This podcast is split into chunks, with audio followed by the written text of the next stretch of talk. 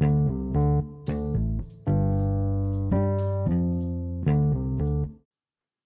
everybody. Welcome back to Women's Empowerment Indonesia podcast, a safe place for women to empower and support each other because we're stronger together. My name is Gia. And my name is Aurel, and we're your host today. Dan hari ini, kita akan membahas soal RUU TPKS atau Rancangan Undang-Undang Tindak Pidana Kekerasan Seksual dan beberapa isu menarik tentang kekerasan seksual dari perspektif laki-laki nih. Bersama dua narasumber kita yang keduanya merupakan mahasiswa Fakultas Hukum dengan prestasi dan wawasan yang tentunya membanggakan ya di bidangnya. Kita akan mengulik perspektif menarik dari mereka yang berdiri sebagai laki-laki dan sebagai generasi milenial bangsa nih. Kita sambut dulu narasumber kita, Marvel dan Farel. Hai Marvel dan Farel.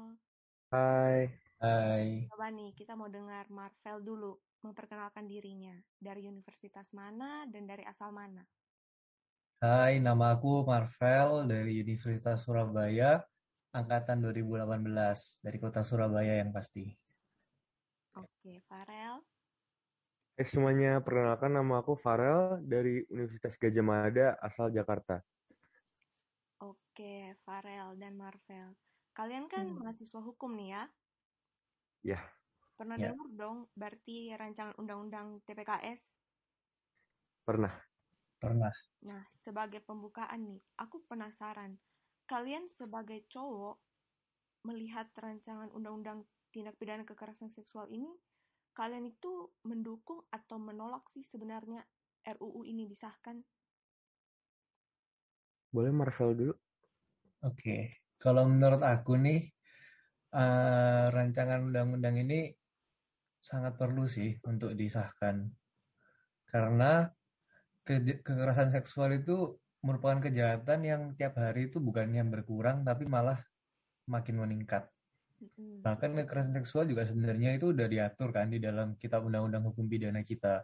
Kayak ada pasal pencabulan, pemerkosaan, dan banyak lagi. Tapi bentuk kekerasannya itu kayak berubah-ubah gitu loh. Jadi kayak eh, belum bisa mewadahi kekerasan-kekerasan, eh perkembangan dari kekerasan-kekerasan seksual itu yang ada di masyarakat sekarang. Dan karena itu ya jadi suatu celah buat pelaku untuk melakukan kekerasan seksual itu dan berkembang nih bentuk kekerasannya. Dari yang dulunya cuma sekedar pemerkosaan pencabulan sekarang udah ada bentuk verbal juga kekerasan seksualnya. Jadi maka dari itu menurut aku sih perlu sih untuk disahkan Ya setuju banget sama Marvel. Kita Indonesia kan masih baik banget yang masih nganggep eh, aspek tersebut sebagai bisa dibilang tabu lah. Jadi masih banyak banyak eh, bahkan bagian dari pemerintah yang ber- eh, berkeputusan untuk tidak menyentuh topik tersebut. Namun sangat se- sangat harusnya kita untuk melakukan sebaliknya karena itu eh, seperti kata Marvel dengan seiring waktu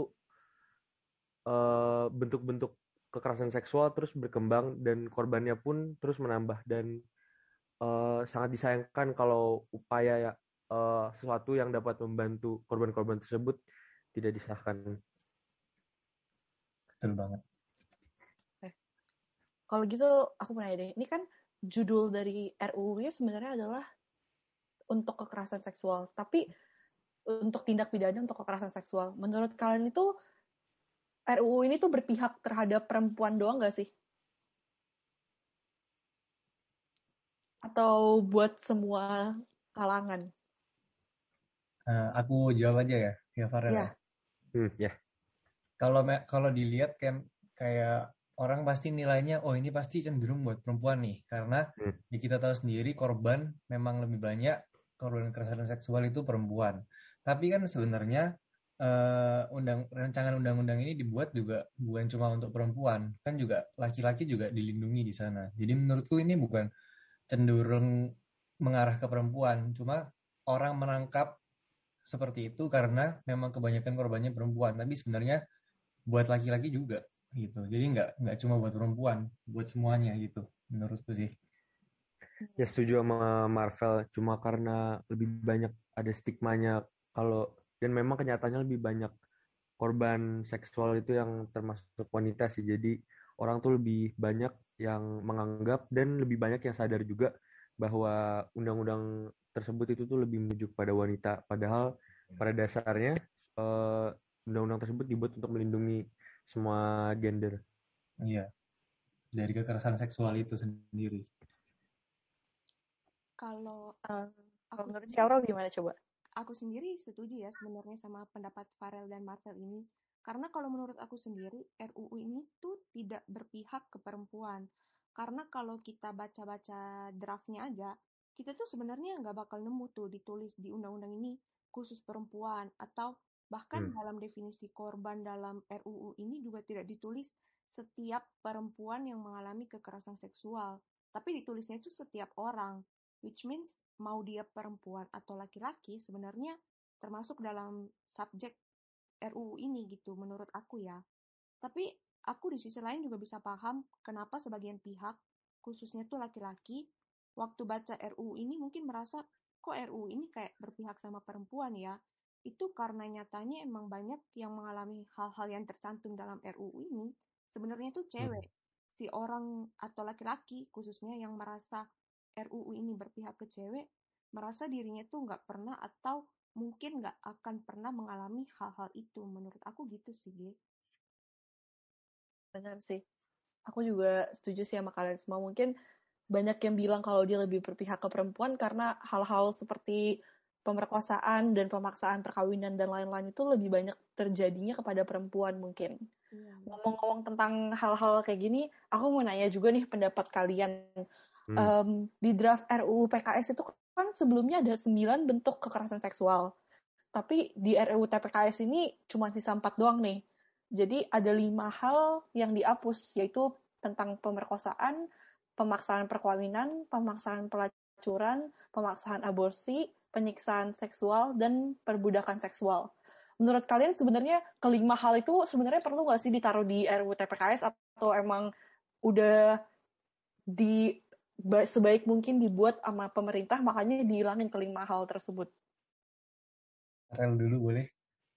Hmm, menurut saya sih uh, pastinya tuh uh, kekerasan seksual tuh mau gimana pun bentuknya kita tuh harus menyadari bahwa semua bentuk jenisnya mau mau sekecil apa pun itu tuh pasti dampaknya itu tuh uh, akan tidak baik pada pada para korbannya. Jadi menurut saya tuh uh, harus uh, tidak ada pengurangan aspek beberapa aspek-aspek uh, karena jika jika hal tersebut dilakukan dapat dapat terus berkembang ya seperti tadi yang sudah dibicarakan uh, kekerasan seksual bentuknya makin menambah dan uh, makin makin terus merajalela karena memang justru malah hal-hal yang dapat menangkalnya dikurangi menurut saya sih gitu ya. Coba kalau Marvel gimana?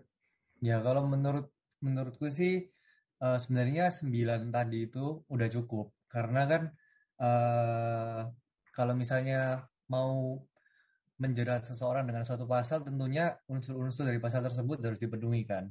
Nah, uh, apa namanya kalau terlalu sedikit kayak contohnya uh, lex generalisnya kita ambil dari KUHP. Oh. Nah, kalau oh, dari, dari KUHP kan terlalu umum nih. Nah, makanya kita butuh mengklasifikasikan hmm, jadi sekali. sembilan sembilan sembilan tindakan itu tadi yang sudah spesialiskan lex spesialisnya. Nah, dengan demikian kan jadi uh, kan juga nggak mungkin semua tindakan itu diatur kan. Maksudnya kayak terlalu banyak lah kalau kita mau atur semua bentuk kekerasan seksual. Makanya kita klasifikasinya jadi sembilan itu menurutku sudah cukup banget sih sehingga unsur-unsur yang dipenuhi juga jelas gitu. Setuju. Emang bener kan kata Marvel kalau sembilan itu perlu banget kan? Bener yeah. kan iya. itu pendapat kamu? Tapi yang aku tanyain itu adalah kelim ada lima hal yang dihapus dari RUU TPKS gitu loh. Jadi di pendapat kamu lima hal tersebut memang harusnya ditaruh kembali di RUU TPKS atau memang nggak perlu gitu? Kalau Karena hal-hal lainnya sudah kembali perlu ditaruh kembali. Iya. Kalau Farel gimana kan, Farel? Karena kan itu juga uh, klima itu bentuknya juga beda-beda semua kan. Pemerkosaan ada yang apa namanya pemaksaan apa perkawinan itu kan tadi. Iya. Kan kayak pasti unsur dari pasalnya setiap setiap pasal itu berbeda-beda. Jadi uh, menurutku perlu sih dikembaliin lima-limanya. Oke, kalau Farel gimana Farel? Ya, menurut saya saya tadi sudah uh, cukup menjelaskan uh, kekerasan seksual tuh bagaimana bentuknya, semuanya harus disadari. Karena memang kalau ada bagian-bagian yang uh, bagian-bagian yang masih kurang perhatian hukum, uh, seperti tadi uh, kekerasan seksual kan sekarang sudah sangat merajalela dan yes. justru malah itu bakal tambah tumbuh terus dari situ karena udah nggak ada dasar-dasar yang dapat merangkalnya jadi pasti harus dan juga setuju sama Mar uh, Marvel hukum tuh harus lebih ada bagian like spesialisnya lebih di di uh, apa ya tidak dipikir secara general gitu lebih spesifik masing kasus-kasus ya. Menurut saya sih gitu ya. Oke. Okay. tapi kalau gimana? tapi kalau menurut aku ya kalau menurut aku sendiri sebenarnya lima itu kalaupun tidak dimasukkan lagi, kalau aku sih berpendapat nggak apa-apa ya. Karena menurut aku kalaupun karena emang kalau terlalu banyak juga itu menurut aku malah jadi hukumnya itu jadi membingungkan gitu bagi masyarakat menurut aku ya. Karena sebenarnya uh, yang lima tadi itu bisa juga masuk ke dalam mungkin uh, kayak aku ambil contoh aja ya, misal kayak pelecehan seksual gitu pelecehan seksual aja itu sebenarnya kan bisa dijabarin lagi bentuk-bentuknya tuh masih banyak. Nah, hmm. sedangkan kalau misalnya emang kita mau nggak mungkin kita mau jabarin masukin semuanya ke dalam undang-undang gitu. Dan kalau emang cuma lima itu tadi yang dihilangin, menurut aku sebenarnya itu udah termasuk pasti ada termasuk dalam salah satu uh, dari sembilan yang masih ada ini menurut aku makanya dia dihapus. Dari empat yang masih ada mungkin maksudnya. Iya, iya dia tuh termasuk dalam salah satu bagian dari yang kesembilan inilah menurut aku. Hmm. Gitu. Aku aku kurang setuju sih sama pendapatnya Ciaurel. Aku mungkin lebih setuju sama Farel dan Marvel hmm. karena benar tadi yang katanya Marvel ya, mungkin emang harus dispesialisasikan dalam hal ini karena mungkin walaupun di dalam keempat bentuknya itu sudah ada yang mengandung kelima hal tersebut, tapi kita nggak bisa menspesifikasikan suatu kasus itu kita kategorikan sama kayak yang lain. Kayak misalnya di pelecehan seksual kita nggak bisa bilang, mungkin kita bisa bilang kalau penyiksaan seksual itu bisa masuk ke kategori itu. Cuman pasti hukuman dan sanksinya berbeda-beda. Dengan adanya kesembilan hal tersebut kan makanya jadi bisa lebih terspesifikasikan apa hukumannya untuk setiap perbuatan. Kalau menurut aku lebih kayak gitu sih. Uh, iya sih, tapi gimana kalau misalnya yang kayak aku bilang tadi ya, pelecehan seksual pun sebenarnya kan bentuknya ada banyak juga, maksudnya ada banyak jenisnya gitu pelecehan seksual. Apakah menurut kalian bertiga nih, Farel, Marvel, dan Gea, apakah uh, cabang-cabangnya pelecehan seksual itu juga harus dispesifikasikan? Karena kan pasti terlalu banyak dong, kalau misalnya emang kalian mau bilang harus dispesifikasikan semua, berarti pasti banyak banget dong yang harus dispesifikasikan. Menurut Farel dulu coba. Menurut saya sih kalau bisa ya kenapa tidak ya. Dan dengan juga hmm, apa ya dengan adanya inisiatif dari pemerintah untuk menjabarkan kasus ini pasti ya kan pemerintah juga uh, bisa dibilang secara tidak langsung juga lebih perhatian terhadap kasus ini dan dari situ uh, justru kasus ini malah dapat lebih dipahami lebih lanjut lagi dan dan lebih di perkuatkan gitu sanksi-sanksinya agar benar-benar dapat menjamin kekerasan seksual bagaimanapun bentuknya tidak tidak tidak sering dilakukan lagi lah setidaknya.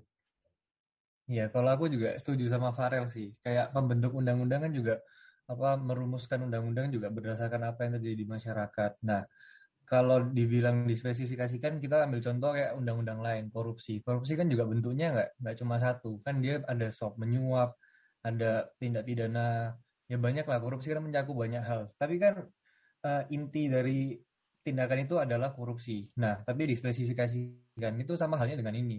Jadi ya kayak pelecehan seksual itu memang intinya tapi dispesifikasikan. Nah perbedaan perbedaannya apa? Mungkin dari subjek yang melakukan mungkin dari uh, tindakan yang dilakukan juga mungkin dari akibat yang bisa dilakukan eh, bisa terjadi atau akibat yang timbul. Sama pastinya sanksi buat pelakunya sih pasti beda kayak kamu pelecehan seksual uh, A sama A sama B kayak kasus A sama kasus B kan pasti kalau kalau dalam kasus yang berbeda meskipun sama-sama pelecehan seksual pasti kan uh, titik beratnya untuk menjatuhkan hukuman itu kan juga berbeda-beda pasti Sama kayak misalnya korupsi suap menyuap sama korupsi apa gitu, pasti kan berbeda gitu sih. Ya, aku setuju sih sama pendapat Farel sama Marvel kalau misalnya apa perlu adanya perincian dalam hal tersebut. Karena bener lah kalau misalnya kita gak rinciin sesuatu terlalu general hukumannya misal bisa aja kekerasan yang terjadi itu lebih berat daripada misalnya kekerasan A itu lebih berat harusnya hukumannya daripada kekerasan B tapi karena gak adanya rincian tersebut jadinya mereka hukumannya sama aja gitu. Aku jadi pengen ini deh ngebawa ke masalah korban gitu karena sebenarnya RUU ini kan diciptakan pastinya tentunya untuk melindungi korban kan Iya, um, Ketua Panitia Kerja Rancangan Undang-Undang Penghapusan Kekerasan Seksual, Willy Aditya itu pernah ngomong kalau misalnya seberat apa pun kita jatuhkan hukuman kepada si, si pelaku, apakah itu akan membuat si korban pulih? Tidak. Jadi menurut dia, hukuman itu nggak perlu dirinciin, makanya dia ngubah ini bentuknya dari 9 jadi 4, karena menurut dia, ya yang penting itu pelakunya dihukum aja. Menurut kalian gimana? Wah, kalau menurut aku sih kurang setuju ya. Meskipun memang dia dihukum eh, nggak mempengaruhi ke, kehidupannya si cewek ini kan dalam artian meskipun dia dihukum cewek ini tetap bakal trauma, tetap bakal apa, tetap malu, tetap Hmm. masa depannya juga terganggu. Meskipun kayak gitu bukan berarti orang ini bisa seenaknya sendiri nggak mendapatkan hukuman yang adil buat buat eh, si korban dong, ya nggak sih? Setuju Ya, seharusnya bisa eh, seharusnya ya dikasih hukuman yang seberat-beratnya. Mengingat ini juga masa depan seseorang gitu. Gitu sih. Kalau Farel gimana Farel? Saya udah cukup setuju sih sama Marvel dengan semuanya. Sudah tidak bisa menambahkan lagi. Tiara mungkin mau menambahkan? Kalau aku ya, membaca dari pendapatnya Willy Aditya tadi itu, yang dia bilang, aku juga sebenarnya sama kayak Marvel ya, aku kurang setuju. Karena emang kita perlu akui, memang hukuman yang dijatuhkan ke pelaku itu eh, sampai kapan pun tidak akan eh, bisa menjamin kalau korban itu akan pulih gitu. Tapi bagaimanapun kalau misalnya aku membayangkan aku di posisi korban gitu ya, misalnya kalau pelaku kekerasan seksual itu dijatuhkan hukuman yang seberat-beratnya, setidaknya ada perasaan eh, lebih lega gitu bagi aku ya kalau misalnya aku ada di posisi korban. Seperti itu sih kalau aku. Kalau dia Ya, bener sih. Aku juga pas lagi ngedenger dia ngomong kayak gini, aku jadi kayak mikir, berarti kalau menurut logika dia, karena dia ngomong seberat apa pun kita jatuhkan hukuman kepada si pelaku, apakah itu akan membuat si korban akan pulih? Tidak. Berarti teori dia sama kayak gini dong. Kalau ada orang yang dibunuh, berarti si pembunuhnya ini gak usah dihukum, karena kita Karena gak nggak akan hidup lagi. bangkitin dia, gak bakal bisa hidup lagi. Bener gak sih? Makanya Teori pada dia dasar, pada dasarnya juga ngapain juga ngaitin dengan apa sih perasaan korbannya gitu. Kenapa nggak memang Iya. kalau orang bersalah ya udah didendain kenapa juga harus pakai ada argumen sa- eh, apa ya ngebawa perasaan korban kalau mau gimana pun saksinya sama aja. Menurut aku sih kayak irrelevan ya untuk disebut. kalau menurutku juga nggak usah kita bayangin kita jadi korban. Kita lihat kita misalnya jadi korban kan tadi Aurel bilang tuh kalau jadi korban dengan melihat kalau pelakunya dihukum lebih berat lebih lega. Nah sekarang kita jadi orang biasa sebagai penonton kita Hmm. lihat ada korban dan ada pelaku yang dihukum seringan itu apa kita sendiri nggak takut? Kalau aku sih jadi takut juga ya. Iya sih, sekali. bener-bener. Iya kan? Tapi kalian kebayang gak sih jadinya dia padahal ketua panitia yang ngebuat RUU-nya loh. Tapi dia sendiri aja ngomong kayak gitu. dan menurut menurut aku nih ya kalau eh, si kata-katanya Willy Aditya ini menurut aku eh kayak menimbulkan kontroversi di masyarakat karena nantinya masyarakat itu bisa anggapannya kata-katanya ini jadi bumerang buat dia gitu nanti masyarakat mikirnya oh berarti pelaku ya seminimal seminimal mungkin aja dong dihukumnya toh mau dihukum berapa lama aja nggak berpengaruh gitu kayak gitu sih Hmm. menurutku jadinya ya bakal jadi bumerang buat pemerintah sendiri menurut aku sih. Hmm. Nah, eh, terus nih ya, aku mau tanya nih, karena kita lagi ngomongin korban, kebetulan, aku penasaran juga. Di RUU TPKS ini, aku baca ada salah satu pasal juga yang dihapus itu berkaitan dengan uh, perlindungan perlindungan korban atau hak-hak korban itu dihapus di RUU TPKS ini. Karena banyak yang bilang kalau pasal ini itu berat sebelah ke korban. Menurut kalian dengan adanya pasal ini, apakah pelaku disudutkan? Sampai pemerintah itu beranggapan kalau ini tuh berat sebelah gitu. Gimana menurut kalian? Apakah pelaku disudutkan? Boleh Marvel mulai. Kalau menurutku, uh, pelaku nggak bisa dianggap disudutkan juga sih. Karena gimana pun korban kekerasan seksual sendiri kan udah nerima beban yang sangat berat ya dari pelaku ini. Hmm. Mulai dari fisik, mental, masa depan, ya dunianya dunianya dia sih anggapannya yang diambil sama si pelaku ini. Hmm. Dan bahkan sering juga korban itu malah jadi pihak yang disalahkan. Jadi hmm. perlindungan korban ini menurut menurutku sih penting banget dan harusnya uh, salah satu tujuan rancangan undang-undang ini ya untuk melindungi korban dong kalau dihapus gunanya apalagi deh rancangan undang-undangnya ini. Betul, betul. Betul. Menurut saya memang pada dasarnya pelindungan hak hak korban itu tuh memang masih harus dipertahankan sekali ya karena kan memang seperti seperti yang udah Marvel bilang sih masih uh, korban dalam kegiatan ini kan juga mereka dampaknya cukup bisa dibilang cukup lama. Jadi untuk menurut saya sih semua aspek-aspek yang dapat membantu agar korban ini dapat mendapatkan justice yang sesuai dengan yang diharapkan sih masih harus diusahakan ya. Aku benar sih emang katanya kalian berdua karena menurut aku sendiri kalau misalnya dibilang itu dihapus karena lebih memihak kepada korban, aku agak nggak ngerti ya sama konsepnya hmm. karena peraturan tersebut kan DPR itu jelas-jelas Dewan Perwakilan Rakyat.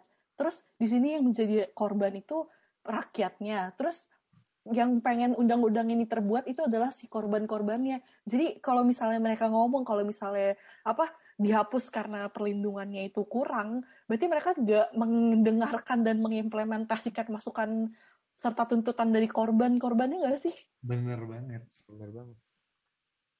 Kalau aku sendiri ya, kalaupun emang dianggap berat sebelah ke korban, terus kenapa gitu? Kalau aku ya, terus kenapa? Emang menurutku hmm. wajar aja sih kalau pelaku itu ya disudutkan emang udah sepantasnya menurut aku. Kalau di kekerasan seksual apalagi ya. Kalau aku gitu sih sebenarnya. Iya sih. Nih, ada jadi pas lagi banget nih, kita lagi ngebahas tentang nggak adil. Jadi aku mau ngebahas tentang suatu kisah korban pemerkosaan di Bintaro. Jadi dia tuh speak up tentang pengalaman dia yang diperkosa. Nama dia itu Ami Fitria. Jadi um, beberapa tahun kalau nggak salah tahun 2019, jadi dia tuh diperkosa di rumahnya sendiri karena ada orang itu masuk ke rumahnya. Dan hal pertama yang dia lakuin adalah ketika dia tahu dia mengalami hal itu adalah dia ngelaporin ke polisi tapi tindakan polisi setelah itu adalah meragukan bahwa dia itu nggak kenal sama korbannya. Polisi itu bilang kalau dia tuh kenal sama yang pemerkosa dia. Padahal si Ami ini udah bilang berkali-kali kalau dia tuh nggak kenal dan rumahnya sendiri tuh dibobol masuk.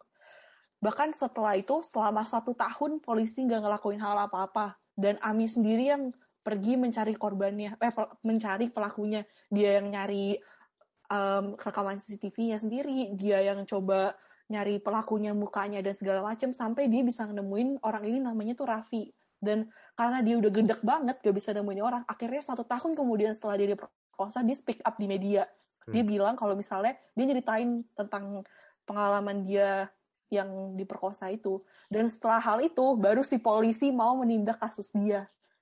Terus jadi banyak banget orang yang komen kayak gini harus viral dulu baru bisa ditindak. Menurut kalian gimana tuh? Menurut saya sih sedihnya ya, sepertinya memang itu kenyataannya karena juga ada kasus lain yang di Komisi Penyiaran Indonesia yang lelaki di jadi korban pelecehan seksual di uh, tempat kerjanya sendiri di mana dia di uh, dicoret-coret dalam alat kelaminnya kalau nggak salah semacam gitulah dan hmm. memang sudah berkali-kali dia udah mengusahakan untuk melaporkan gitu kepada pihak yang berwenang. Cuma pada, uh, pada kenyataannya memang banyak yang masih tidak menganggap serius apa gimana ya, Mak. Jadi tidak tidak diberikan sanksi yang jelas sehingga kegiatan itu berlanjut dan baru kemudian saat dia speak up speak up ke orang semua baru mulai ada tindakan yang lebih terlihat lah dari pihak-pihak berkewenangan tersebut. Dan menurut saya sih itu cukup mengkhawatirkan ya kalau udah ya. kayak gitu. Kalau lain ya kalau yang lain gimana pendapatnya? Marvel mungkin coba. Ya setuju sih. Itu menurut menurutku kayak ada ada kayak pepatah itu bilang kalau uh, percuma undang-undang mau sebagus apa pun kalau penegak hukumnya itu nggak bagus. Hmm. Jadi mendingan penegak hukum yang bagus daripada undang-undangnya yang bagus. Itu itu relate banget sih sama kasus ini. Kayak emang kita udah punya undang-undang yang mengatur tentang tindakan itu, tapi penegak hukumnya di sini hmm. uh, malah mengabaikan kasus tersebut ya kan. Hmm. Percuma. Dan malah justru yang menjadi jalan keluar itu bukan hukum, tapi uh, sosial media. Kan dia speak up kan ya akhirnya. Hmm ya mungkin itu juga bisa jadi salah satu opsi lain tapi ya sebenarnya kita nggak mengharapkan oh sih itu kita berharapnya ya hukum bisa ditegakkan yeah. setegak-tegaknya dong yang pasti di mana penegak hukum harusnya mengambil peran yang lebih ya lebih hmm. lebih gimana ya kayak lebih peduli sama korban kayak memang uh, untuk mengangkat suatu kasus kan harus terpenuhi bukti-bukti harus ada dua alat bukti yang cukup hmm. juga nah kalau memang si korban belum bisa membuktikan ya oke okay lah uh, diabaikan. Tapi kan di posisi ini korban juga bisa membuktikan tapi tetap di tetap diabaikan sampai harus viral dulu kan tadi katanya baru polisinya mau bertindak. Itu menurutku sih sangat miris ya. Apalagi kita kan juga negara hukum. Masa bertindak karena ada untuk aspek figuratifnya gitu loh maksudnya? Benar. Hmm. gimana harusnya kan pengadilan juga independen dan imparsial ya. Jadi kan nggak harus dipengaruhi oleh suara masyarakat, suara politik atau apa pun itu. Gitu sih oh. menurutku. Oh iya. Dan kalau menurut aku juga ya, G, kalau misalnya kayak dalam kasusnya Ami Fitria tadi itu, polisi itu kan baru bertindak setelah dia speak up gitu kan. Sama kayak viral. Kenapa? Setelah viral baru mau polisinya oh. kerja. Ini bukannya hate to the police yang lagi bisa mendengarkan ya. Cuman emang bener nih kenyataan nih kayak gitu. Hmm. Iya iya benar sama kayak kasus yang tadi Farel bilang aku tahu kasus yang Farel bilang tadi yang soal cowok yang kena kekerasan seksual di tempat kerjanya itu kan juga setelah speak up di sosial media ya dan viral baru ditindak sama polisi. Menurut aku itu jatuhnya jadi uh, lembaga kepolisian itu hanya mau menjaga nama baiknya mereka aja, bukan hmm, benar banget. Kan, jadi kita mempertanyakan ini sebenarnya uh, dia menindak kasus ini akhirnya gara-gara dia peduli, apakah hanya gara-gara mau menjaga nama baiknya lembaga mereka gitu loh. Hmm. Menurut aku. Benar-benar. Benar banget sih, soalnya kayak, ini ibaratnya jadinya negaranya tuh, apa ya, selektif banget gak sih dalam memilih kasus. Kasus yang dipilih hanyalah kasus yang viral dan yang mata masyarakatnya tuh banyak ada di kasus itu. Iya. Yeah. Iya, padahal kan uh, maksudnya si korban itu maksudnya kena kekerasan seksual dan kasus yang maksudnya kejadian yang menimpa dia itu viral sebenarnya itu kan juga hal yang berat ya bagi korban menurut aku pastinya. Pastilah. Pasti. Dan sangat miris sekali kalau mereka harus melalui hal seberat itu demi cuma dilihat sama lembaga pemerintah gitu loh yang bertugas. Dan itu pun kembali lagi yang kayak tadi dibilang meskipun udah ditindak juga korbannya juga tetap merasa trauma, tetap merasa hmm. kena mental juga juga tetap masa depannya juga berantakan. Jadi ya aduh miris banget sih. Oke, sekarang kita aku mau nanya tentang suatu topik yang lumayan kontroversial. Ini ada hmm. sebenarnya masuk juga di RUU TPKS tentang aborsi. Pendapat kalian tentang aborsi itu gimana? Rel dulu deh. Menurut saya aborsi kan pada dasarnya kan ada banyak konteks ya dengan apa sih kegiatan yang dapat berujung pada aborsi. Yes. Dan menurut saya konteks beberapa dari konteks tersebut uh, meng, apa ya uh, makes it somewhat justifiable to do the action because apa ya kadang tuh memang hmm, aborsi kan memang apa ya kaitannya tuh besar banget ini tuh dengan semacam butterfly effect tahu butterfly effect kan ya Tahu jadi tahu. semacam ya kan Emang kita bego semua. bener-bener bener-bener bisa eh, be- bener-bener bisa pola hidup seseorang tuh jadi berubah, Berubah. banget dalam titik dalam titik ini dan Hmm. menurut saya tuh dengan aborsi itu banyaknya eh, lahir dari eh, orang tua yang memang kurang siap untuk mengurusinya dan baik dari korban-korban yang memang belum sanggup untuk mengurusi anaknya Eh, yang dikhawatirnya khawatirkannya itu kan juga untuk masa depan anaknya gitu Hmm. mereka bisa jadi tidak mendapat hidup yang layak ataupun eh, masih apa ya masih benar-benar eh, sorry to say cuma masih kayak lebih mending mereka kalau memang tidak dapat mendapatkan hidup yang layak lebih, Lebih baik baik aborsi ya. Heeh, iya, oke. singkat padat jelas. Kalau Marcel gimana?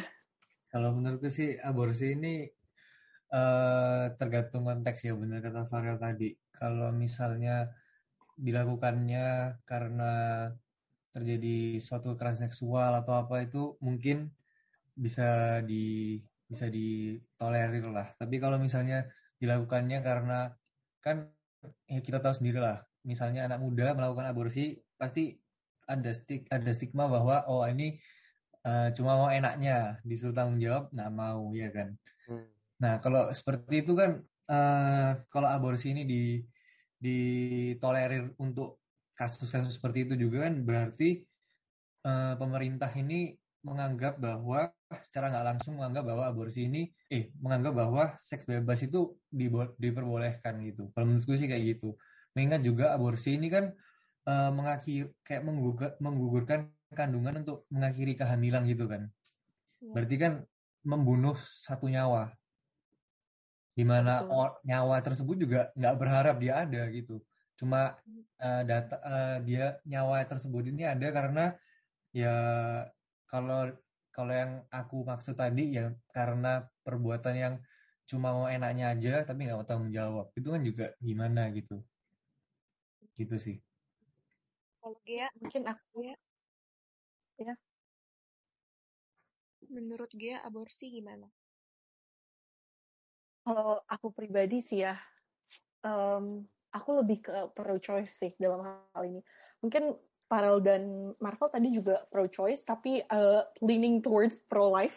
Tapi kalau aku, aku lebih ke, mungkin karena aku sering ngebaca ya story-stories gitu, terus aku jadi lebih mikirnya, bener tadi yang Mar- kayak Farel bilang, kayak beberapa orang itu they don't deserve to hidup di dunia ini dan punya orang tua seperti orang tua yang gak mau mereka karena hidup mereka akan seumur hidup tuh ke impact dengan orang tua itu aku udah sering banget denger stories di mana mereka tuh pas lagi di kandungan ibunya itu udah pengen dilakuin percobaan aborsi tapi gak dibolehin sama keluarganya dan akhirnya mereka lahir di dunia ini tapi mereka sendiri gak hidup dengan baik gitu loh dan mereka juga lebih sering tend to do the- kayak lebih sering suicidal dan mereka lebih sering depres. Jadi in this case aku lebih kayak pro choice gitu untuk aborsi. Kalau Ciarel Jadi kalau Gea itu benar-benar mau aborsi itu dilegalkan 100% bagi semua orang gitu. iya. Karena I don't think kita punya teknologi se-advance itu untuk tahu orang ini tuh telah mengalami kekerasan seksual atau belum atau dia tuh sebenarnya karena kita tuh gak bisa tahu gitu loh kondisi seseorang gimana kondisi psikis dia kondisi mental dia. Ki- mungkin kita bisa tahu a part of their story why do they experience it? Kenapa mereka bisa hamil? But we don't know the whole story gitu loh. Dan kalau kita nitpick every single stories about a woman yang pengen abort their babies berarti kan kayak gak mungkin banget gitu loh. Kalau menurut aku sih gitu ya. Hmm. Kalau menurut aku sendiri ya, sebenarnya aku em, kurang setuju sama kamu sih, Ge. Soal aborsi itu harus dilegalkan 100%. Aku juga nih, Ge. Kenapa, Farel? Enggak, nambahin dong tadi. Oh iya. Nah, karena Eh, aku sih setujunya sama yang sekarang diberlakukan di Indonesia udah bagus sih menurutku. Jadi aborsi itu kayak setengah-setengah gitu. Aborsi hanya boleh dilakukan oleh korban kekerasan seksual dan untuk alasan medis yang memaksa aborsi dilakukan. Soal Gia tadi bilang kita itu nggak bisa tahu seseorang itu korban kekerasan seksual atau enggak. Menurut aku sebenarnya ada sih. Soalnya kan biasanya kita itu ada yang namanya uh, visum sekarang. Nah, visum ini bisa membantu. Visum itu nggak menunjukkan semuanya. Bahkan orang yang udah mengalami kayak sodomi atau diperkosa aja kan kita nggak bisa tahu. Visum itu kita nggak bisa tahu segalanya dengan hasil visum doang gitu loh. Bisa nggak sih? Visum itu apa ya? Visum et repertum. Gak semua gak semua hal bisa kita tahu dari dari hasil visum itu pasti ada beberapa hal yang gak terlihat. Nah, iya Ge, itu kurangnya visum itu emang seperti itu kalau apalagi kalau misalnya apalagi ya kita tahu kekeras, korban kekerasan seksual itu jarang melapor langsung. Hmm. Biasanya kan kalau udah jauh-jauh hari ya pasti kadang lukanya udah sembuh atau gimana. Jadi hasil visum pasti bisa berbohong biasanya. Nah, justru di situ yang menurutku harus ditingkatin oleh pemerintah. Dan aku yang kurang setujunya ya, soalnya pemerintah itu um, mem memperlakukan kalau aborsi itu legal untuk korban kekerasan seksual, tapi juga ada syaratnya. Syaratnya itu kalau um, kejadiannya itu bilang berumur enam minggu. Iya, uh -uh itu menurutku aku kurang setujunya di situ aja sih. Cuman kalau misalnya aborsinya dilegalkan hanya untuk kekeras korban kekerasan seksual, aku udah setuju. Aku nggak bisa setuju kalau aborsi itu dilegalkan 100% untuk semua orang. Gitu. Aborsi bukan dilegalkan untuk korban kekerasan seksual, hanya untuk korban pemerkosaan di Indonesia. Hmm. Oh ya, ya, korban pemerkosaan. Nah itu, aku Tapi kalau kasusnya kayak gini, contohnya ya, dia udah nikah. Iya. Berarti kan dia udah nikah nih. Terus um, di Indonesia tuh pemerkosaan dalam pernikahan mungkin tidak terlalu di acknowledge, I think. Iya. Yeah. So pokoknya dalam kondisi ini mereka udah nikah dan mereka berhubungan seksual gitu. Tapi um, proteksi yang dipakai itu di tempered oleh suaminya ini karena dia pengen punya baby dan ceweknya itu nggak mau. Jadi pas mereka melakukan itu, si ceweknya ini nggak tahu kalau hal apa hal yang bisa melindungi dia dari hamil itu tuh ternyata udah di tempered sama suaminya. Jadi dia pada akhirnya tuh hamil. Kalau kayak gitu berarti dia bisa ngabur si kandungannya nggak? Menurut saya sih bisa ya. Saya masih bagian dari uh, ngikut uh, opini Aurel sama Marvel di mana aborsi uh, masih dilakukan hanya untuk sebagian-sebagian. Tadi kan dia juga mem, sebelum membicara spesifik topik ini, hmm. uh, dia kan juga tadi juga nyebut menurut dia masih susah kalau masalah kita harus lebih ngepisah-pisah ngepisah-pisahin khusus untuk orang yang dengan konteks tersebut baru bisa melakukan kegiatan aborsi. Dan ya. menurut saya tuh yang memang dengan barang kontrasepsi itu kan mereka bisa dijadiin dijadiin bukti gitu loh bisa jadi bukti kalau memang uh, memang apa ya uh, ada ada kecurangan, ada semacam hal yang tidak disetujui untuk dilakukan dalam kegiatan tersebut. Dan pada dasarnya kalau menurut saya kalau korban korban hubungan seksual yang pada dasarnya tidak dipersetujui, pasti kan juga uh, orangnya lebih melapor gitu kalau memang tadi kan dia apa ya bilangnya uh, ini dia uh, benerin ya kalau misalnya salah penangkapan yeah. dari aku. Uh, lebih berpendapat kan masih susah kalau tahu bener-bener memang uh, konteksnya pas buat uh, apa ya konteksnya dapat ngejustify untuk ngelakuin aborsi gitu. Dan menurut aku sih kalau dari dari orangnya sendiri udah protes juga udah menunjukkan gak sih kalau memang memang benar-benar ada kejadian kejadian seksual yang memang tidak disetujuinya dan menurut saya kalau kasus ini spesifik uh, bisa di bisa berujuk uh, berujung pada aborsi atau tidak kalau yang dari memang konteks harus spesifik ke orang-orang yang dengan dari kekerasan seksual atau kegiatan seksual yang tidak disetujui sangat bisa. Karena kan memang wanita ceweknya apa ya dia udah nggak setuju gitu dan suami ini mereka udah nikah lama kan ya Ge? Ya. Ya pastinya tuh suami ini kan udah tahu juga dong istrinya nggak mau dan dia masih tetap berinisiatif untuk melakukan sebuah kecurangan yang ditahui emang dia pasti tahu sendiri istrinya tidak akan setuju setuju ke, uh, kepada kegiatan tersebut. Jadi menurut saya itu masih bisa termasuk jadi kegiatan semacam pelecehan seksual sih kan karena kan memang pada dasarnya merupakan kegiatan seksual yang tidak disetujui oleh satu pihak gitu. Kalau menurut saya sih gitu ya. Maaf kalau masih ada yang kurang-kurang boleh ditanya. Karena aku mau nanya deh, berarti tadi uh, pendapat awal kamu, kamu tuh sempat bilang kalau misalnya uh, kamu juga setuju dengan adanya aborsi itu karena kamu merasa bahwa uh, lebih baik itu dilakukan aborsinya jika orang tuanya tidak mampu untuk mengurusi mereka, ya nggak? Iya. Berarti kamu setuju dong kalau misalnya aborsi itu buat kebanyakan orang? Karena how do you know that someone is capable of taking care of a baby atau enggak?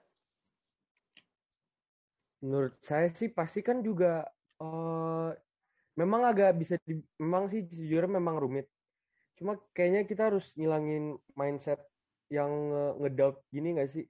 Uh, gimana kalau kita maju kalau kita masih ada rasa ragu-ragu gitu. Menurut saya sih pasti kan juga bisa dilihat konteks kehidupan sosial uh, uh, para dua pelaku tersebut ya kalau memang memang bisa dikategorikan mereka unfit gitu untuk melakukan unfit untuk me unfit take untuk me, baby, ya, ya mem take care of a baby dan setidaknya kalau memang tetap tidak boleh aborsi menurut hmm. saya pemerintah juga ha harus mengadakan program di mana anak itu memang ditempatkan memang diberikan orang tua lain gitu memang diadakan gitu platform yang dapat uh, mengurusi anak-anak yang dengan orang tuanya yang tidak dianggap layak gitu.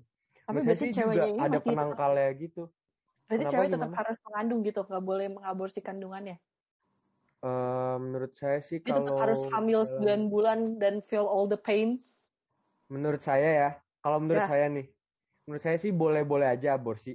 Cuma tadi saya itu cuma memberikan semacam alternatif gitu. Kalau kalau memang dari ranah hukum atau pemerintah yang saya tidak punya kendali, menurut saya sih mereka setidaknya harus mengusahakan untuk kalau memang dilihat konteks konteks kehidupan mereka tidak dapat meng, mencukupi kebutuhan anaknya, menurut saya harus segera disediakan program yang dapat uh, setelah mengandung dapat menempatkan anak itu kepada induk lain yang dianggap lebih cocok. Mau nambahin dikit boleh gak? Ya boleh banget boleh apa? Banget. Karena uh, kayak ini, menurutku banyak juga kasus di mana sebenarnya mereka itu bisa, tapi mereka itu nggak mau untuk membesarkan anak tersebut gitu sih. Nah, aku mau nanya, kamu tahu dia bisa atau nggak bisa tuh dari mana? Ya, yang kayak tadi Farel bilang kan, kan misalnya dilihat dari status sosial ekonomi itu sebenarnya mereka mampu untuk membesarkan anak. Kalau mau dibilang uh, mereka capable atau enggak, uh, menurutku ya kalau nggak dicoba juga nggak nggak bakal bisa dong. Sekarang kamu bisa jalan gimana caranya? Karena kamu coba jalan. Tapi kan bisa. ada yang ngajarin aku jalan, pasti ada yang ngawasin aku jalan, ada yang ngasih tahu aku. Jalan iya. juga kadang bisa tiba-tiba jalan sendiri kok. Iya, makanya. Tapi lu masa dari bayi langsung jalan sendiri, pasti ada orang tua yang ngawasin kan? Iya, mak iya kan. Bisa aja. Hewan-hewan kan ada yang gak punya induk, tiba-tiba ya, jalan sendiri. Ngomongin hewan. Kalau kayak gitu berarti orang nggak bisa hamil dong. Maksudnya kayak orang nggak bisa mengandung. Kalau misalnya kamu bilang uh, siapa yang siapa yang ngajari hamil atau apa gitu. Siapa yang ngajarin hamil? Enggak, maksud aku di sini adalah kalau misalnya dia hamil dan dia nggak bisa punya resources untuk yang ngebantuin dia pas dia hamil, lebih baik gak usah hamil aja dianya. Karena Iya kan itu kan kita tadi sudah sebut kita juga ngelihat bagian konteks iya. kehidupan dia kalau memang sudah tidak mencukupi ya berarti boleh menurut saya ya boleh boleh boleh aja sih melakukan kegiatan tersebut atau setidaknya pemerintah mendirikan inisiatif untuk platform tersebut di mana mereka menyediakan uh, anaknya di di gantilah ke tempat mana yang dapat dapat menjamin mereka mendapatkan kehidupan yang, yang layak. Oke, berarti ini kalian nggak setujunya aborsi dilakukan itu cuman kalau ke orang-orang yang mereka sebenarnya capable, tapi mereka hmm. nggak hmm. mau gitu. Ya, itu saya lebih, iya. lebih, jahat lagi sih. Orang sebenarnya dia mampu tapi dia nggak dia malah membunuh orang. Iya, Menurut berarti nggak setujunya cuma kalau di situ nih. Tapi kalau hal konteks-konteks lain dengan cara-cara tertentu, kalian setuju. Iya, tergantung kasusnya sih. Iya tergantung kasusnya juga sih. Menurut saya pada umumnya kondisi di mana memang menyusahkan orang yang mengandung bukan karena ada pada dasarnya apa ya dia memang merasa menganggap memang pokoknya benar-benar memang kalau situasinya sudah tidak memungkinkan gitu kalau misalnya karena untuk kesehatan sendiri atau atau karena korban sebagai korban pelecehan seksual itu kan masih walaupun mungkin dibil, bisa bilang capable itu kan masih dapat dapat bilang mengganggu mental me, mental orang yang mengandung tersebut dan kalau memang mereka konteksnya ekonomi tidak membutuh dapat mencukupi masih bisa gitu jadi menurut saya sih yang meliputi hal-hal tersebut ya kalau pada dasarnya memang orang yang memang mereka sudah tahu mereka resiko ada mereka mereka berkecukupan dan mereka tahu mereka dapat beresiko mengandung anak dan masih melakukan menurut saya sih itu kurang justifiable untuk aborsi. Benar. Oke. Di Aurel gimana? Uh, berarti ini Farel dan Marvel itu setuju aborsi dilakukan um, with terms and conditions. Iya, berarti Yes. nggak hanya Or. korban pemerkosaan gitu ya? Hmm. Yes. Oh, oke.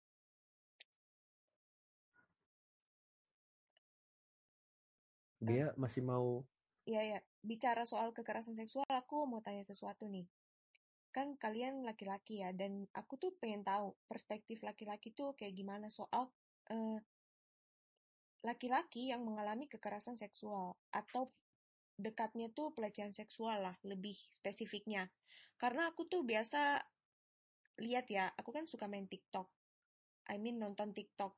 Dan aku tuh ngeliat kayak kalau misalnya cewek upload konten gitu misalnya ya, yang um, misalnya pakai tank top, terus dikomen sama cowok-cowok kayak tanda kutip seksi gitu atau Hmm. uh, komen-komen lain yang berbau seksual, itu tuh si cowok-cowok yang komen ini tuh kayak dihujat gitu sama cewek-cewek lain, kayak dibilang ini tuh namanya pelecehan seksual gini gini gini. Tapi kalau aku lihat lagi ada juga konten cowok yang kadang tuh buka baju gitu ya. Hmm. Terus banyak juga cewek tuh yang komen eh, semacam hamilin aku dong kayak gitu-gitu. Pokoknya yang berbau seksual juga. Nah, itu menurut kalian gimana tanggapan kalian sebagai seorang laki-laki gitu? Farel gimana Farel? menurut saya sih kan pada dasarnya pelecehan seksual itu tuh merupakan kegiatan di mana seorang individu merasa terlecehkan oleh kegiatan yang dilakukan terhadap mereka lah. Uh, jadi menurut saya ya tergantung orangnya juga kalau mereka memang memang ter, memang mungkin ada beberapa yang menganggap itu sebagai komplimen atau mungkin tidak benar-benar tidak mengganggu. Maka menurut saya ya gak usah dipermasalahin juga sih. Cuma kalau memang kalau memang hal tersebut mengganggu dan membuat seseorang tidak nyaman, uh, menurut saya uh, ya memang harus kita sadari bahwa kegiatan itu salah dan uh, mendirikan upaya-upaya untuk mencegahnya. Cuma pada dasarnya memang ada ada semacam kontradiksi di mana kalau kegiatan tersebut terjadi kepada wanita, wanita akan lebih dianggap sebagai kegiatan yang salah. Cuma sebaliknya kalau kegiatan tersebut pada pria, resepsi yang ada terhadap pihak sebelumnya tidak sama gitu. Menurut saya sih pada dasarnya memang karena ada stigmanya gitu ya. Gimana ya, stigmanya tuh cowok kan lebih pihak predator gitu ya, lebih pihak yang pada mereka tuh yang predator dan cewek itu tuh yang apa ya uh, objek seksualnya. Yeah. Dan itu tuh memang menurut saya sih emang mindset itu udah bener-bener walaupun orang setuju atau enggak, eh, udah ada di pikiran orang-orang.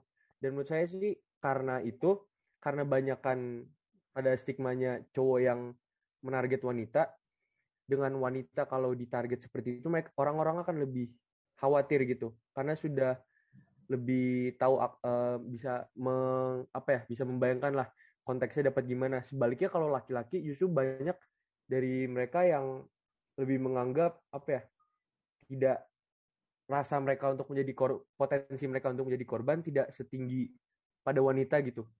Oh, Dan menurut saya orang-orang jadi menurut saya ya.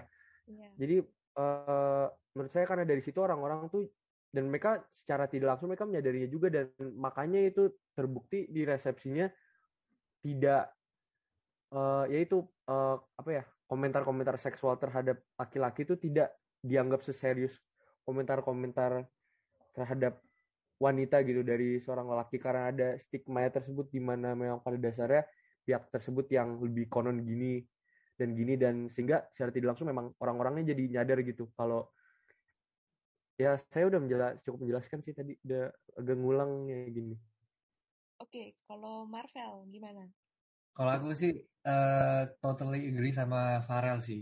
oh tuh Kayak tapi menurutku juga eh, nggak semua cowok itu kayak aku sama Farel gitu. Hmm, Ya, ya, mungkin ada faktor. cowok yang kalau eh, di komen seperti itu dia merasa terganggu. Nah, itu bisa tetap di dikenakan pelecehan seksual. Karena kan kembali lagi pelecehan seksual sendiri itu segala tindakan seksual yang nggak diinginkan yang bisa membuat orang merasa tersinggung, dipermalukan dan atau terintimidasi karena hal tersebut.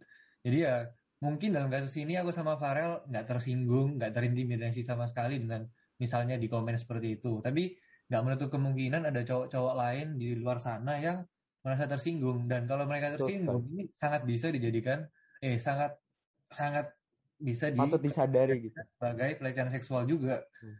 gitu karena pelecehan seksual sendiri intinya yaitu segala tindakan yang seksual yang tidak diinginkan yang bisa membuat orang merasa tersinggung dipermalukan atau terintimidasi gitu sih menurut aku Berarti, gitu sih menurut kita berarti sebenarnya pelecehan seksual itu yang menentukan ini pelecehan seksual atau bukan adalah sebenarnya diri kita gitu kan ya? Hmm. Atau maksudnya dalam konteks ini tuh orang yang di komen videonya. Iya. Kalau Ya, misalnya bisa dibilang kayak gitu sih kalau misalnya Hmm. tersinggung, berarti orang lain nggak berhak bilang ini pelecehan seksual gitu kan ya? ya bisa khawatir sih tergantung sit konteksnya juga ya kalau memang memang orang memangnya pihak ini nggak merasa itu tuh menyinggung atau dapat membahaya, ba- membahayakannya tapi memang sebenarnya bisa kalau ini diteruskan bisa ada fak bisa ada bisa berujung kepada sesuatu yang dapat membahayakannya gitu. Baru di situ menurut saya orang-orang berhak berhak berhak untuk menginterupsi dan cuma kalau memang pada dasarnya konteksnya sih konteksnya berperan besar di sini. Tapi menurut Kalau misalnya lu public figure gitu, Hmm. terus habis itu lagi bikin video di TikTok, terus video di TikToknya itu mungkin em lu nya shirtless atau apalah gitu lah ya. Terus banyak cewek-cewek yang komen, kayak misalnya komennya ya kayak tadi Ci Aurel bilang kayak hamilin aku dong, kayak gitu-gitulah. Pokoknya konteks yang ibaratnya tuh kalau ini diomongin di tempat video cewek pasti udah dibilangnya itu nih sexual harassment on another level lah ya. Hmm. Dan lu tapi kan di sini posisinya lu bilangnya lu nggak tersinggung gitu. Hmm. Tapi itu ada orang-orang misalnya teman-teman lu gitu yang ngerasa kalau misalnya kasihan banget Farel diginiin gitu-gitu. Terus jadinya mereka mengelaporin orang-orang yang komen ini ke pihak berwajib gitu. Gak perlu sih menurut saya ya. Kalau memang bener-bener kalau bener-bener tidak dianggap masalah gitu bagi orang yang memang menerimanya, kenapa dimasalah dimasalahin gitu? Intinya gitu aja sih menurut saya. simpelnya gitu sih Nah, bener sih. simpelnya gitu dan menurut Oke. saya sih udah cukup jelas. Pengen tanya deh, kalau misalnya misalnya nih ya, eh Farel dan Marvel itu bikin video dan banyak yang komen eh, kayak gitu tadi. Terus kalau misalnya awalnya nih kalian sebenarnya nggak apa-apa, kalian sebenarnya nggak tersinggung atau menganggap itu hal pelecehan seksual gitu. Tapi setelah banyak orang lain yang kayak wah ini pelecehan seksual nih, kamu harus laporin nih gini gini gini. Itu kira-kira kalian terpengaruh nggak sih? Jadinya yang tadinya nggak apa-apa, tiba-tiba jadi mikir, wah ini iya sih pelecehan seksual sih ini. Mau siapa dulu? Farel dulu bisa. Nah, dulu Eh, saya sih ya kok pada dasarnya pasti kan oh ini konteksnya juga sih misalnya kalau memang memang saya mempost yang saya lagi memang aku mempost hal yang seperti itu pasti kan saya aku emang juga ada inisiatif gitu sebenarnya pengen caper atau lain sebagainya caper Iya kan, maksudnya untuk pengen menerima komplimen atau apa, misalnya kan cowok-cowok kan suka workout, workout kan itu kan butuh usaha yang cukup banyak. dan baik yang mereka emang mau pengen memamerkan usaha itu dan mereka justru emang niatnya mendapat walau seaneh-aneh terdengarnya justru tuh mereka niatnya emang pengen dapat gitu ya. komplimen ya. kayak gitu menurut saya sih walaupun emang orang bilang gimana juga kayaknya juga gak terpengaruh banget sih sama sampai menurut saya kalau saya sendiri misalnya saya sendiri orangnya gitu dengar orang saya teman saya sampai bilang wah lu harus harus sampai lapor ke hukum sih. Menurut saya sih gak, gak usah sih kayak saya nggak bakal terlalu nanggepin dan bikin saya merubah mindset saya soalnya apalagi udah langsung ke ranah hukum menurut saya ya menurut saya sih nggak saya sih nggak terlalu akan terpengaruh kalau yang saya pikir sendiri kalau aku juga sama sih kayak Farel sebenarnya.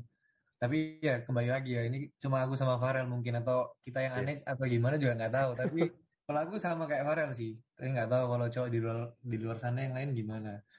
Karena ya jujur aja kalau nggak merasa terganggu kan ngapain gitu kita cari masalah iya. baru lagi. Dengan mempermasalahkan hal yang bukan masalah buat kita gitu ngapain? Iya pada dasarnya sih dipikir gitu aja sih. Udah bisa kepikir juga aneh juga kalau di permasalahan ya gitu sih oke Nah, tadi kan kita udah banyak nih ya membahas isu-isu soal kekerasan seksual yang cukup menarik ya bagi aku sendiri. Nah, aku pengen tanya nih. Dari semua, dari kita membahas isu-isu tadi, dan dari opini-opini yang udah kita dengar, menurut kalian RUU TPKS itu perlu nggak sih pengesahannya dijadiin prioritas sama pemerintah? menurut saya sendiri perlu banget apalagi dengan Indonesia yang masih memiliki semacam tabu semacam rasa tabu kepada aspek ini soalnya memang sebenarnya itu ya memang pada dasarnya sih semua kalau sesuatu hal yang dapat men mengapa ya meng, merasa membuat seorang warga tidak tenang itu tuh pasti kita harus harus harus andali gitu dan ter, dan terutama ini tentang RUU TPKS kan membahas tentang kekerasan seksual, di mana ini merupakan suatu kegiatan yang cukup bisa dibilang cukup tidak jarang ditemui gitu. Jadi menurut saya sih memang hal ini dimengesahkan dan dijerumusi lebih lanjut merupakan sesuatu yang penting untuk dilakukan ya. Kalau Marvel? Kalau aku ya tentu aja ini perlu perlu banget tuh dijadiin prioritas ya. Karena sesimpel uh, kekerasan seksual itu hampir tiap hari itu terjadi. Dan jumlahnya itu meningkat terus dampaknya bagi korban juga sangat besar. Ya meskipun um, buat dunia mungkin kekerasan seksual ya ya udahlah. Tapi buat korban itu dunianya mereka yang yang di diambil sama pelakunya. Jadi menurutku prioritas sih ini gitu Excel prioritas eh setuju sih tapi aku sama mereka juga apa tapi kayak I hope everyone can think kayak kalian berdua karena di awal-awal tahun 2020 aja RUU PKS gak masuk ke prolegnas hmm. kan karena dianggap ya sudah banyak hal yang lebih penting. Iya, Semoga orang-orang di luar sana cowok-cowok bisa berpikiran lebih seperti kalian. Just be like us. Um, mungkin ada suatu hal yang pengen aku tanyain. Kalian bisa gak ngasih kayak pesan-pesan gitu atau anything buat dia bisa ngedukasi cowok supaya bisa lebih berpikiran seperti kalian gitu bahwa memang RUU TPKS ini tuh bukan hanya untuk cewek juga dan emang bener-bener untuk melindungi korban. Nih bros, kita kan solid nih bros, my brothers. Kita tuh harus sadari, kita tuh tidak, kita tuh baik menurut saya sih cowok banyak juga yang berpendapat gini ya. Kita semua tuh sama gitu uh, dan kalau kalau tidak ber berpendapat seperti kita malah diusingkan gitu dan menurut saya tuh itu itu tuh sebuah faktor yang justru mendorong beberapa laki-laki beberapa cowok ya untuk tidak misalnya mereka udah terima kekerasan seksual namun mereka tidak memutuskan untuk meng-speak up tentang hal tersebut karena memang lebih konon untuk cowok tuh tidak merasa apa ya tidak merasa terganggu oleh hal tersebut. Dan dan apa ya dan karena ada stigmanya stigma dari situ. Menurut saya kita kita cowok-cowok harus sadarin kita udah nggak boleh kita nggak boleh apa sih sewot sendiri lah nggak boleh untuk jaga pride jaga musuh laki atau musuh apalah. Kita harus kita harus lebih ngomongin perasaan kita bro. Uh, menurut saya sih dengan kita semua kita semua lebih menyadari perasaan kita uh, itu tuh bakal membantu banget untuk bagian cowok-cowok yang cowok-cowok yang apa ya uh, masih terasa terganggu oleh adanya kegiatan ini. Dan juga uh, dengan kalau topik ini sudah dibahas pasti kita kan juga akan lebih uh, sadar untuk tidak melakukan itu kepada wanita wanita sih. Jadi menurut saya sih mulai dari mulai dari situ sih kita yuk bro, brothers kita brothers sih ya apalah kita jangan terlalu kita harus lebih perhatian lah mau mau lu bodo amat lalu nggak ngira main apa apa orang bisa mati lah lu bayangin baik ya sadar lebih empati aja lah ya kita lebih empati aja pada dasarnya itu Kenapa? Udah diem. Coba Marvel gimana pendapatnya? Ya, ya sama sih. Ya lebih lebih empati ya. Bayangin aja orang-orang terdekat kita. Kan jangan sampai uh, apa namanya uh, ya pokoknya kita bayangin lah orang terdekat kita. Kita tempatin diri juga kalau misalnya Betul jadi itu seperti apa. Gitu aja sih. Jadi kembali kembali lagi ke diri sendiri sebenarnya. Hmm. untuk bisa berpikir seperti itu ya posisiin diri. Kalau misalnya jadi korban gimana? Kalau kita jadi pihak yang dirugikan juga gimana jadi keluarga dari korban itu gimana perasaannya. Gitu sih lebih ya bener kata Farel ya empatinya juga. Pikir Bagus juga kayak kalau misalnya ini kan tadi dibilangnya kayak hmm, cowok lebih dominan lah apalah cowok di atasnya lebih lebih lebih apa namanya lebih predator dari wanita ya. Kita bayangin aja kalau kita predator berarti uh, korbannya kan berarti wanita nih. Nah wanita inget tuh mamanya kita itu juga wanita saudari. Hmm. saudari kita juga wanita ya bayangin lu mau mama lu digituin. Hmm. iya bayangin aja dari hal-hal kayak gitu aja sih sebenarnya simpel banget. Perspektif perspektif. Iya bayangin aja hal, hal yang kayak gitu. Gitu aja Ini, sih gitu harusnya ngegantiin ini nih jadi ketua panitia kerja RUU aja dia. Jadi kan nggak mungkin jadinya masa ketua panitia ngomong seberapa berat apa pun kita jatuhkan astaga masih gak bisa kepikir gue. ya kelas ngomong kayak gitu. Makanya. Gitu sih.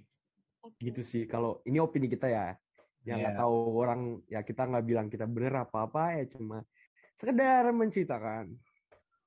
Untuk pertanyaan terakhir, aku mau Farel dan Marvel memberikan sedikit eh, pesan-pesan uh, gitu untuk teman-teman kita yang perempuan dari kalian gitu sebagai laki-laki. Saya boleh mulai ya untuk ya. semua para perempuan. Kalian itu tuh kuat, kalian itu tuh kita tuh kodratnya sama, kalian tuh apa ya? Kalian tuh nggak boleh terpengaruh dengan stigma-stigma yang ada. Kalian tuh harus bergerak untuk berubah dan memang udah kita tuh perubahannya udah bagus banget guys. Sekarang guys orang-orang tuh udah lebih sadar akan wanita tuh juga bisa. Dan kalian tuh harus harus terus apa ya bawa bawa ingatan itu dalam kehidupan keseharian harian kita. Kalian tuh harus terus menunjukkan bahwa wanita itu bisa. Dan karena kita semua tuh juga tahu pasti kalian tuh bisa.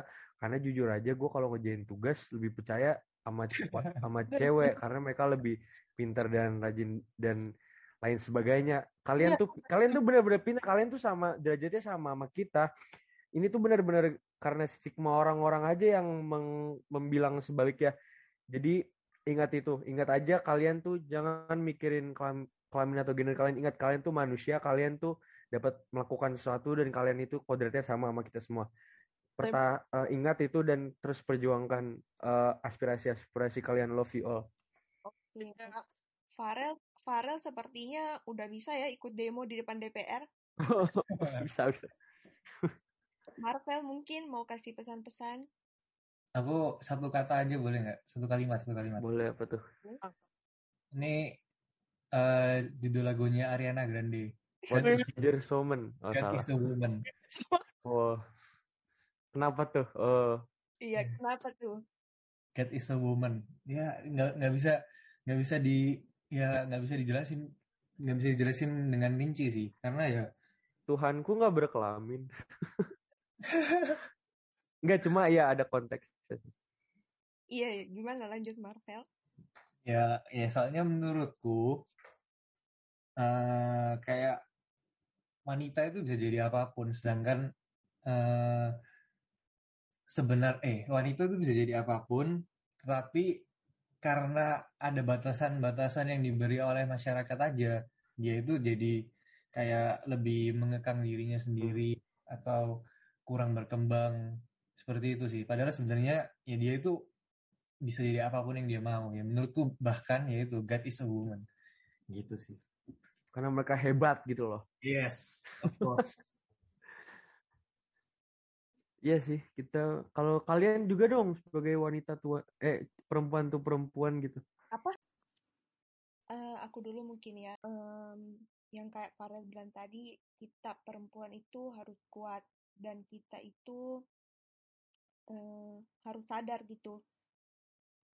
Maksudnya harga dirinya kita itu seperti apa. Karena sebenarnya meskipun orang lain di luar sana bilang kita lemah, kita ini itu, tapi menurut aku justru perempuan itu bagi aku ya sebenarnya jauh banget lebih kuat daripada laki-laki menurut aku jadi Ya. jadi ya. jangan biarkan jangan biarkan orang lain mengatakan hal yang sebaliknya ke kalian Mantap. Mantap.